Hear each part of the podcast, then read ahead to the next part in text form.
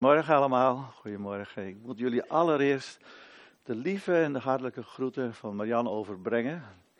Dus, en ook uh, de gemeente bedanken voor het mooie bloemstuk wat we gekregen hebben, wat zij gekregen heeft. En voor jullie kaartjes, en voor jullie mailtjes, en voor jullie appjes, en voor jullie telefoontjes. Van alles is er binnengekomen, bemoedigingen. En uh, bovenal heel erg bedankt ook voor de, jullie gebeden voor haar. Ik hoop dat ze vanmiddag naar huis mag komen. Dus nog eventjes, ik moet nog een appje krijgen waarin dat bevestigd wordt. En uh, dan zullen we zien hoe het uh, verder zal gaan. De chirurg heeft het zo goed mogelijk geprobeerd te herstellen weer in haar knie. Om de dingetjes weer bij elkaar te brengen. Maar hoe het nog verder zal gaan, dat blijft nog eventjes een punt van gebed wel. Dus de mens heeft gedaan wat mogelijk is. En we vertrouwen erop dat God het onmogelijke gaat doen. Dus, nou... En vanmorgen mag ik hier staan om het woord te delen. Inderdaad, 5 januari, de eerste zondag van de maand, mocht ik hier ook staan. En toen mocht ik delen vanuit het boek Handelingen, hoofdstuk 1. Toen had ik op mijn hart gekregen om te delen over uh, Gods visie en over Gods belofte.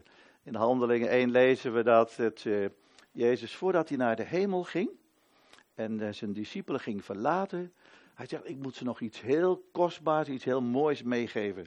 En hij geeft die ze een mooi plaatje, een visie, een visioen van het koninkrijk van God. Over zijn koningschap. En ook geeft hij ze een geweldige belofte mee. De Heilige Geest. En die twee horen ook bij elkaar. Want Jezus heeft op meerdere plaatsen gezegd, wanneer als de Heilige Geest ergens is, dan wordt het koninkrijk van God zichtbaar. Die twee horen bij elkaar. En uh, Soms zijn er wat misverstanden over het koninkrijk. Dan denken we dat het koninkrijk hetzelfde is als de gemeente. Maar dat is niet zo. De gemeente is de dienares van het koninkrijk. We zijn de dienares van het koninkrijk. En eigenlijk zijn we ook het leger van de koning. Dat is mooi dat de koning Jezus is, dat hij de koning is. Maar wat, wat heeft een koning? Wat betekent de koning zonder leger? En wij mogen het leger van koningen. Voorrecht toch? Geweldig.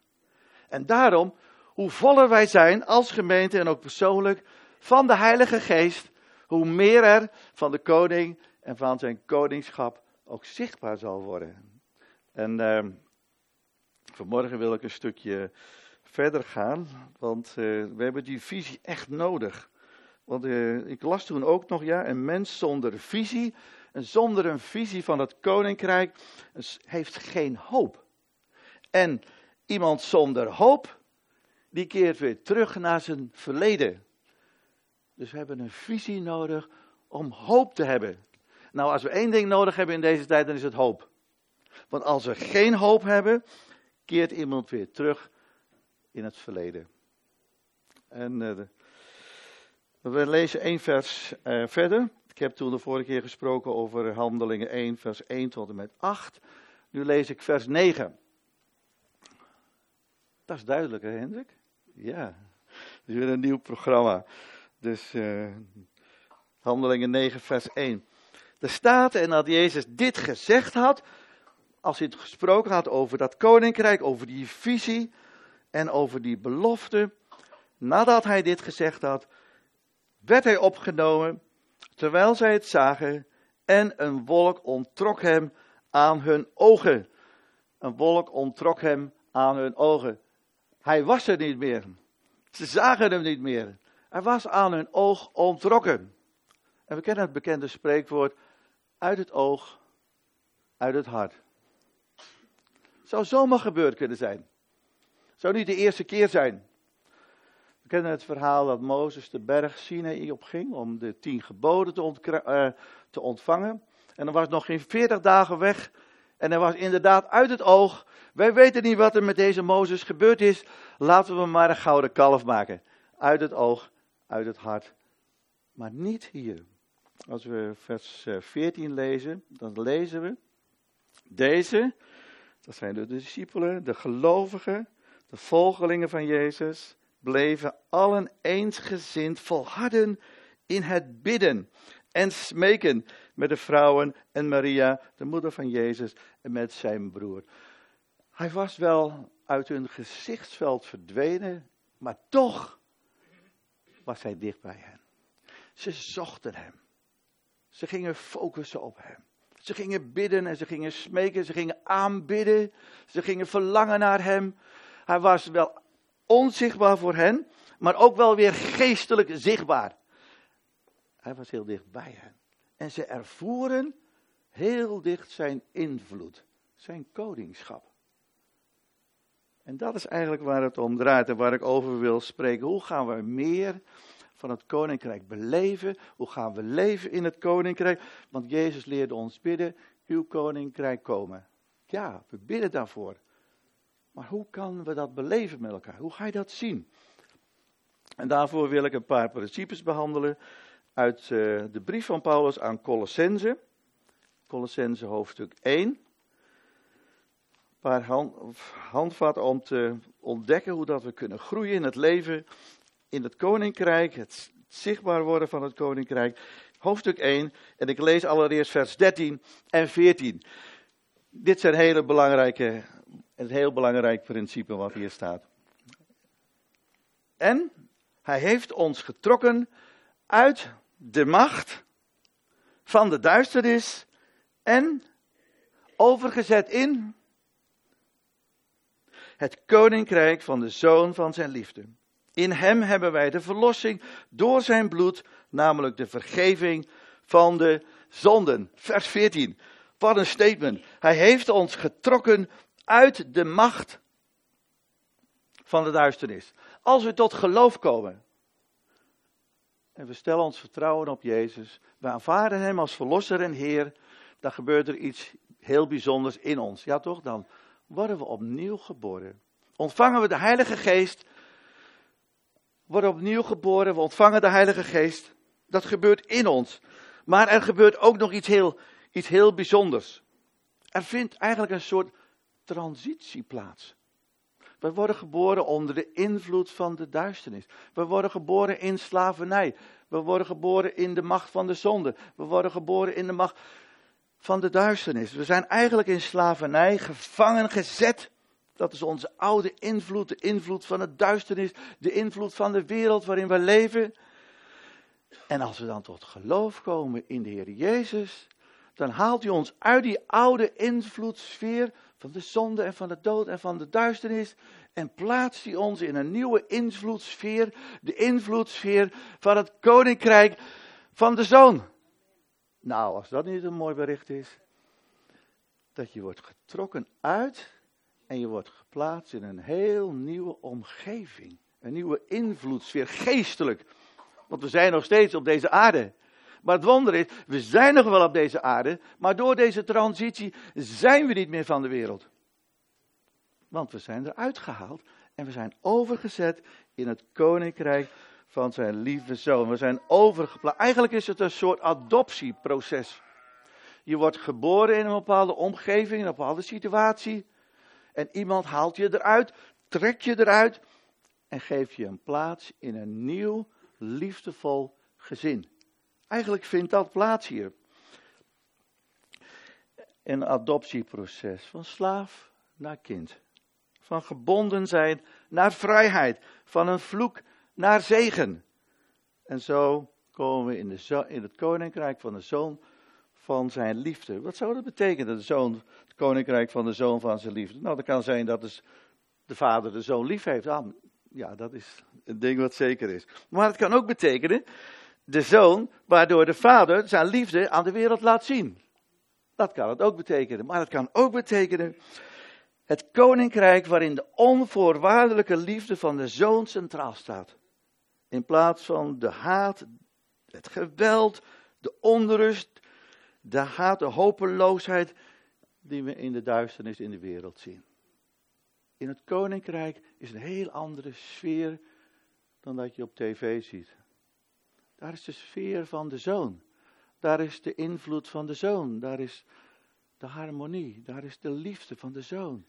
De onvoorwaardelijke liefde. Dat is het kenmerk van het koninkrijk van God. Van gerechtigheid, van liefde, dat is de sfeer van de Heilige Geest, van het Koninkrijk.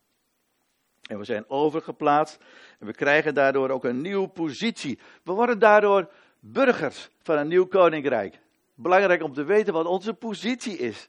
En dat geeft ons ook gezag. We krijgen daardoor ook het gezag van de koning. We zijn burgers van het koninkrijk. Het koninkrijk waar Jezus de koning der koningen is. Waar hij de Heer der heren is. Jezus die alle macht heeft in de hemel en op de aarde. Jezus die overwinnaar is. Als je het boek Openbaringen leest, dan lees je dat vaak als wat gaat er allemaal in de eindtijd gebeuren. En er zijn heel veel theorieën over en scenario's. Maar eigenlijk staat er de eerste vers een openbaring van Jezus. Het is een openbaring van Hem, van de koning der koningen. En dat is zo geweldig als je het met die ogen het openba boek Openbaringen leest van wie Hij is. Dan krijg je hoop. Dan krijg je hoop Ondanks alles wat erin beschreven staat en de dingen die we doorheen, waar we doorheen moeten gaan, dan krijg je hoop. Omdat we weten wie de koning is. En er staat in vers 14: In hem hebben wij de verlossing door zijn bloed, namelijk de vergeving van de zonde. Hoe zijn we overgeplaatst? Hij heeft ons verlost, staat er. Hij heeft ons verlost door zijn bloed. Er is een prijs betaald. Ah, dat is met adoptie ook zo. Er was een schuld, maar iemand heeft die schuld afbetaald, waardoor je vrij kon komen, echt vrij kon komen. Je bent eigenlijk vrij gekocht door het bloed van Jezus. Dat staat er ook, een soortje lutron staat er in het woordje verlossing. Dat betekent losprijs. Er is een losprijs betaald om ons vrij te zetten, vrij te kopen vanuit de macht van de duisternis en ons over te zetten in het koninkrijk van de Zoon. En daarom heeft de duisternis geen recht meer op ons. Want er is een prijs betaald. Soms laten we ons weer terugtrekken in die oude invloedssfeer, maar er is een prijs betaald. We zijn vrijgekocht. We horen bij het koninkrijk van Jezus. En we hebben daardoor ook gezag gekregen. En er staat er in vers, we hebben daardoor ook vergeving ontvangen. Oké, dan gaan onze machinisten Oké, we zullen zien hoe lang het eh, gaat duren bij Jan. Uh, we hebben daar, ja, dat is, we worden dus uit de oude invloedssfeer. Dat heb je met adoptie ook. Het komt in een nieuw gezin. Maar een kind wat in een nieuw gezin komt, heeft soms nog wat vuile kleren aan. En zo komen we uit een vieze, vuile omgeving. Maar het bloed van Jezus reinigt ons van alle zonde. Wat we ook meegedaan, of wat we ook gedaan hebben in ons verleden, wat onze achtergrond ook is. Het bloed van Jezus heeft ons vergeven van alle zonde. En het is zo geweldig, dat mogen we straks weer vieren, ook met het avondmaal. En ook als we opnieuw struikelen, want we zijn nog niet volmaakt, en dienen we onze zonde beleiden, hij is getrouw en rechtvaardig om ons te reinigen van alle ongerechtigheid. Amen. Dat is, dat is de genade van God. Elke keer weer dat is ook wat jij bad toch, Regina, net. Ja, dacht ik, hé, hey, mooi is dat. Dat is een hele duidelijke onderstreping. Dat er door het bloed vergeving is en dat we vrijgekocht zijn. En het mooie is, dat staat ook in vers 13, hij heeft ons getrokken. Daar staat in het Grieks een werkwoord voor hem, een arorist.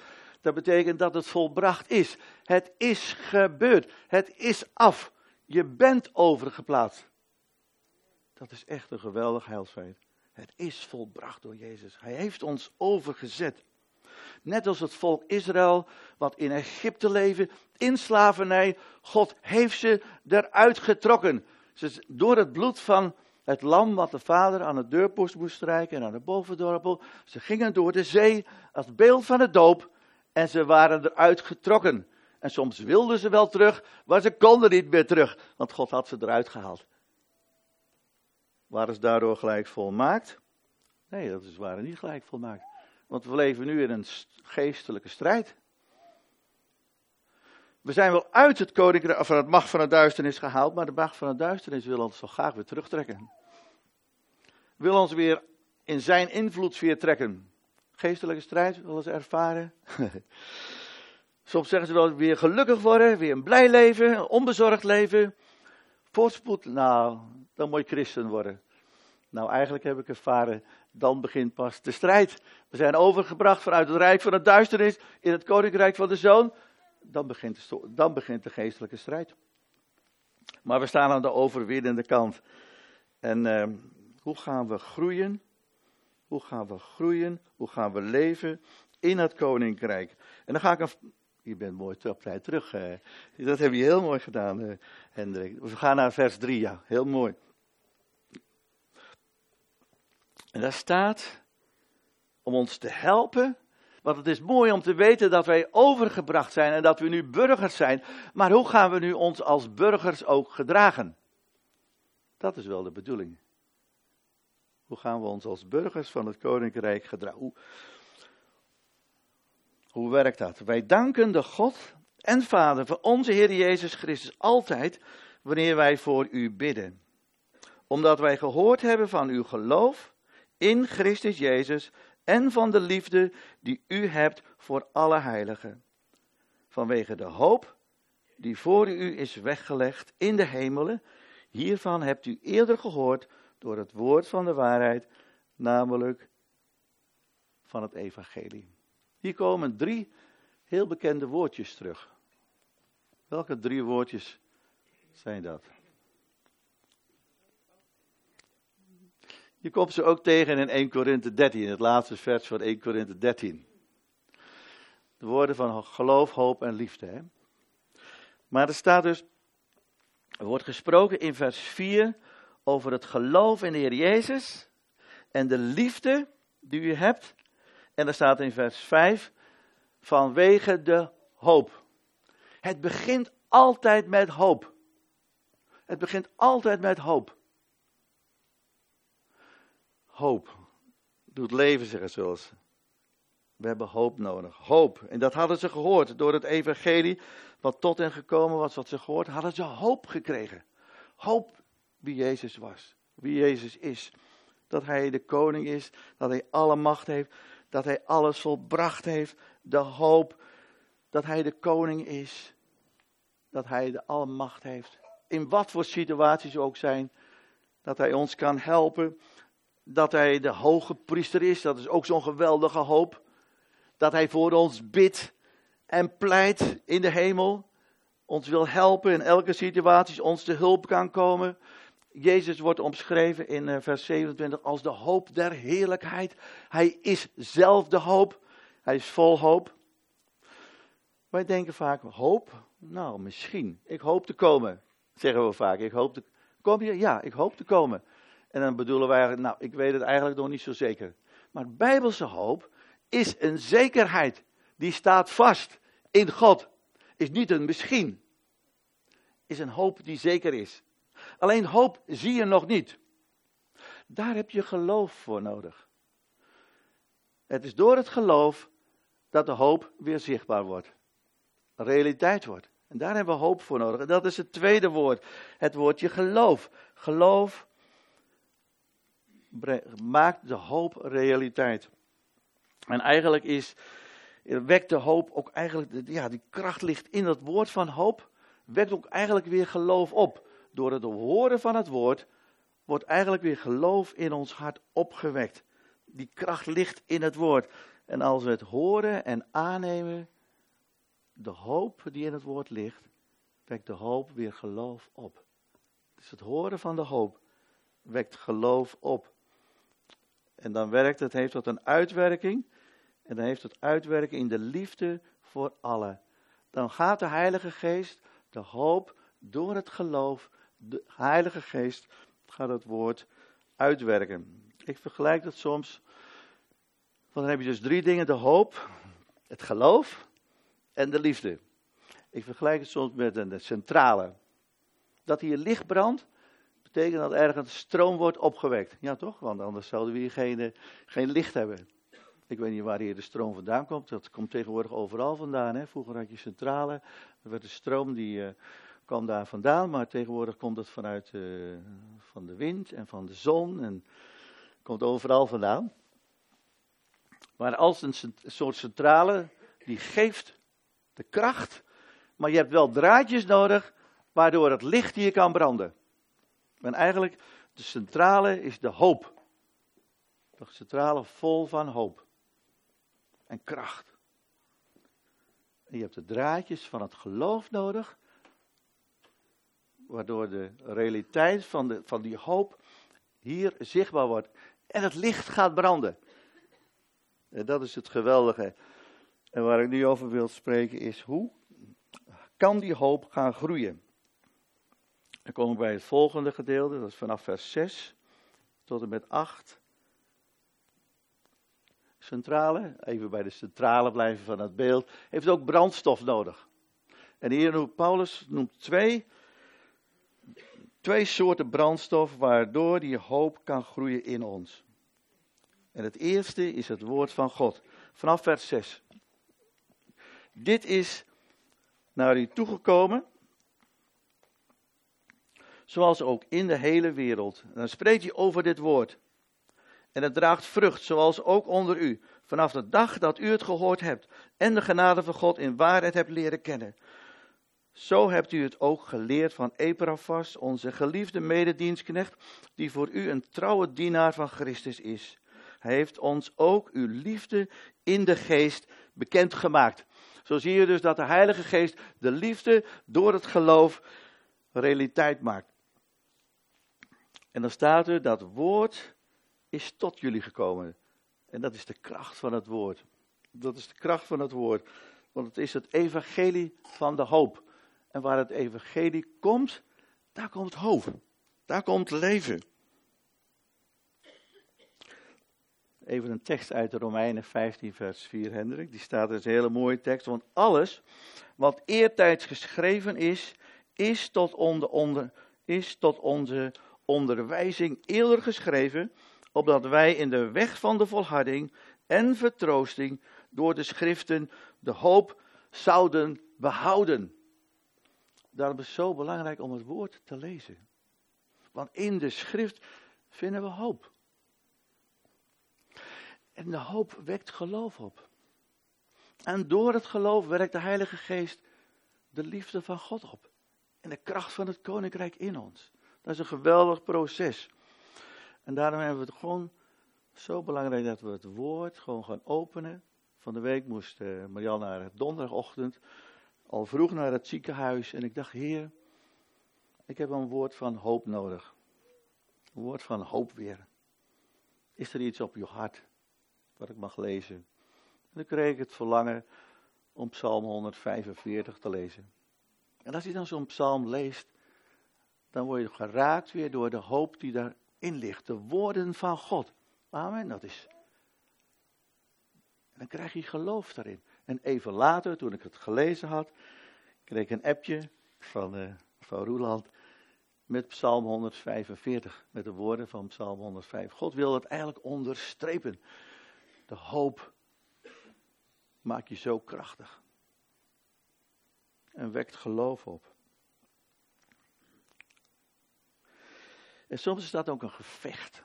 Soms ben je bezig met het woord. Soms trouwens zijn we te, ik weet niet hoe het bij jullie is. We zijn zo druk in deze maatschappij. Dat je amper tijd hebt om nog wat woord te lezen. Of tijd maken daarvoor. En soms ben je aan het lezen, maar zitten je gedachten zo vol. Gaan je gedachten alle kanten op. Ervaring mee. Dan komt, ja, je leest het soms wel verstandelijk, maar het raakt niet je hart. En dan komt het niet in je hart. En dan moet ik me elke keer weer tot orde roepen met Psalm 62, vers 6. En dan moet ik tegen mijn ziel zeggen: Waarlijk, mijn ziel, keer je stil tot God. Want van Hem is mijn verwachting. Op Hem stel ik mijn hoop. Waarlijk, mijn ziel, mijn ziel, keer je stil tot God.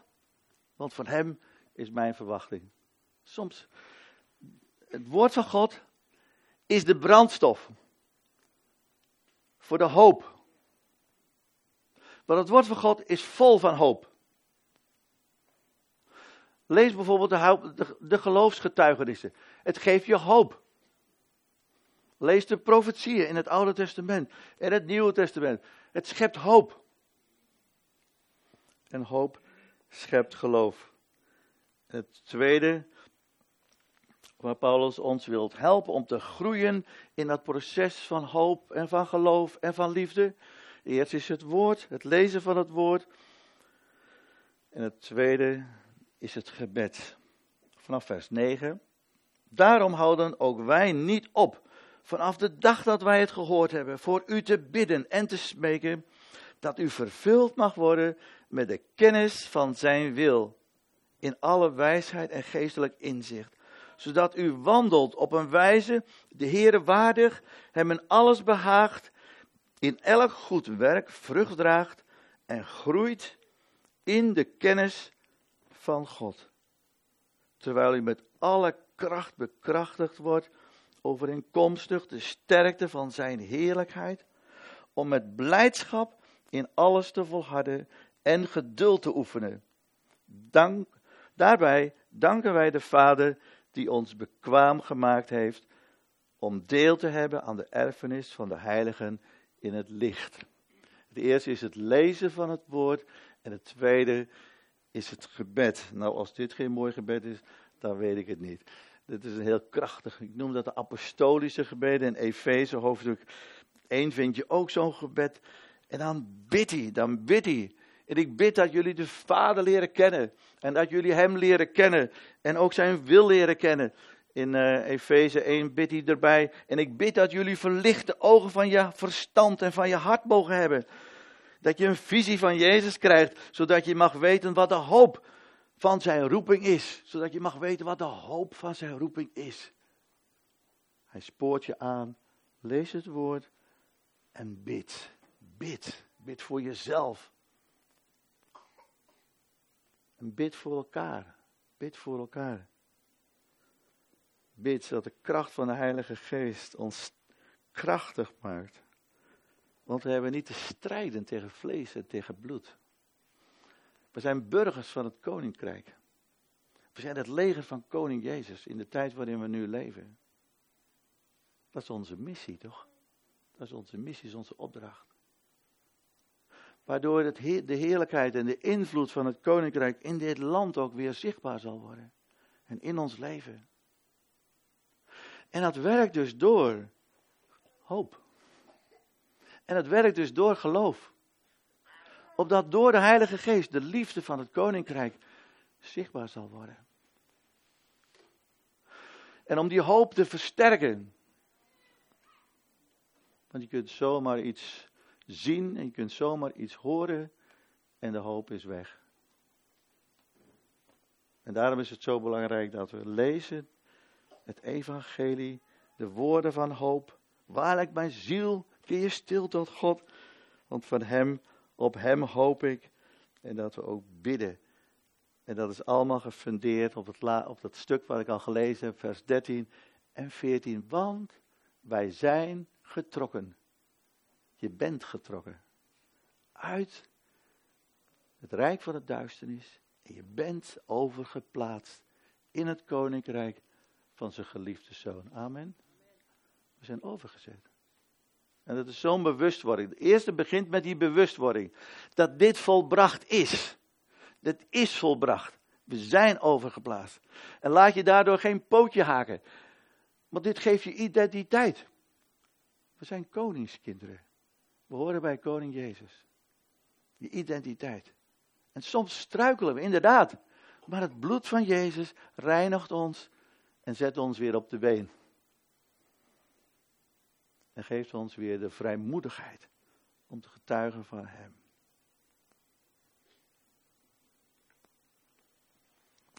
En dat wordt realiteit door de hoop die in ons is. De hoop die in ons is. Soms zijn we radeloos, zijn we hopeloos, wordt onze hoop geroofd. Maar zeggen, nee Heer, ik hoop op U, want U bent mijn levende hoop. Mijn hoop. Hoop. Er wordt niet zoveel over gesproken, meer over, over geloof gesproken. Over, over je moet geloven. Maar geloven begint altijd met hoop. Want het is de hoop die het geloof uitwerkt. En soms zijn we zo krachtig bezig. Ik geloof, ik geloof en ik geloof. En we willen ons geloof aanpraten. Laat het woord van de hoop je raken. Tot je komen. Als je dan het woord leest, ontvang het met je hart. En je zult ervaren dat je het gaat geloven. Het geloof is altijd uit het horen. Het horen van het woord van God. Soms zijn we niet zo bezig met hoop, want hoop denken we dat is misschien. Nee, de Bijbelse hoop is een zekerheid in Christus. Het is volbracht. Amen. Dat is.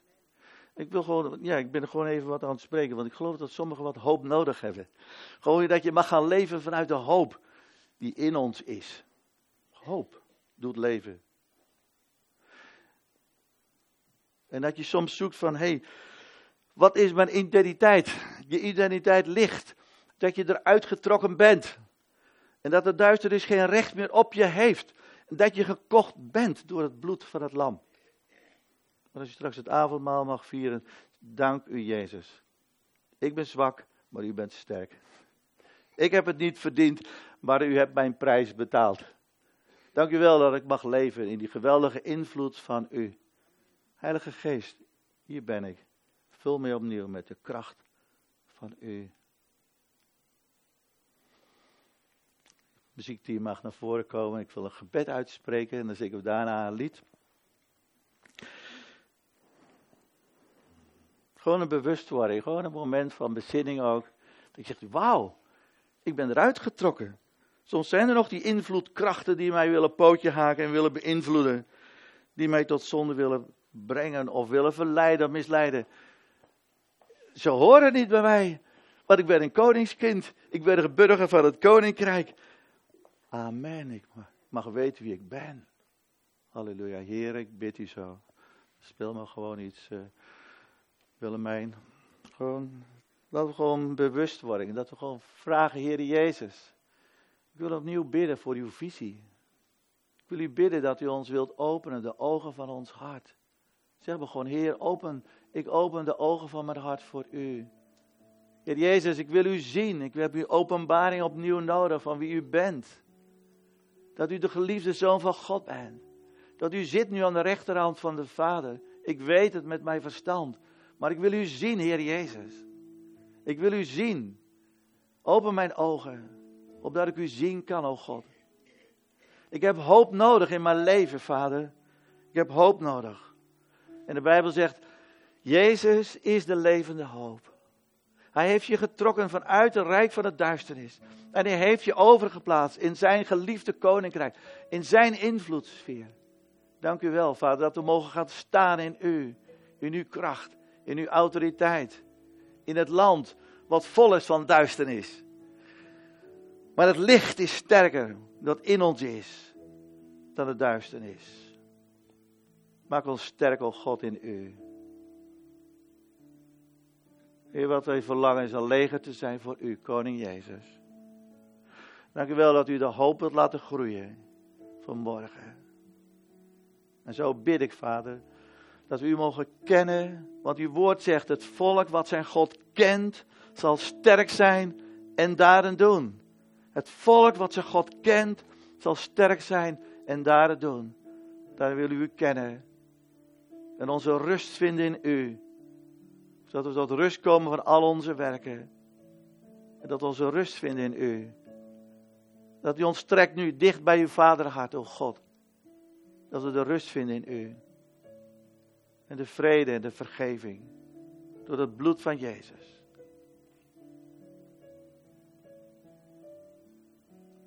Dank u wel, Heer Jezus. Vul ons, Heer. Vul ons Met verwachting ook. En met hoop en van vrede. Gedachten van hoop en van vrede. Van u. In de naam van Jezus. Amen. Amen.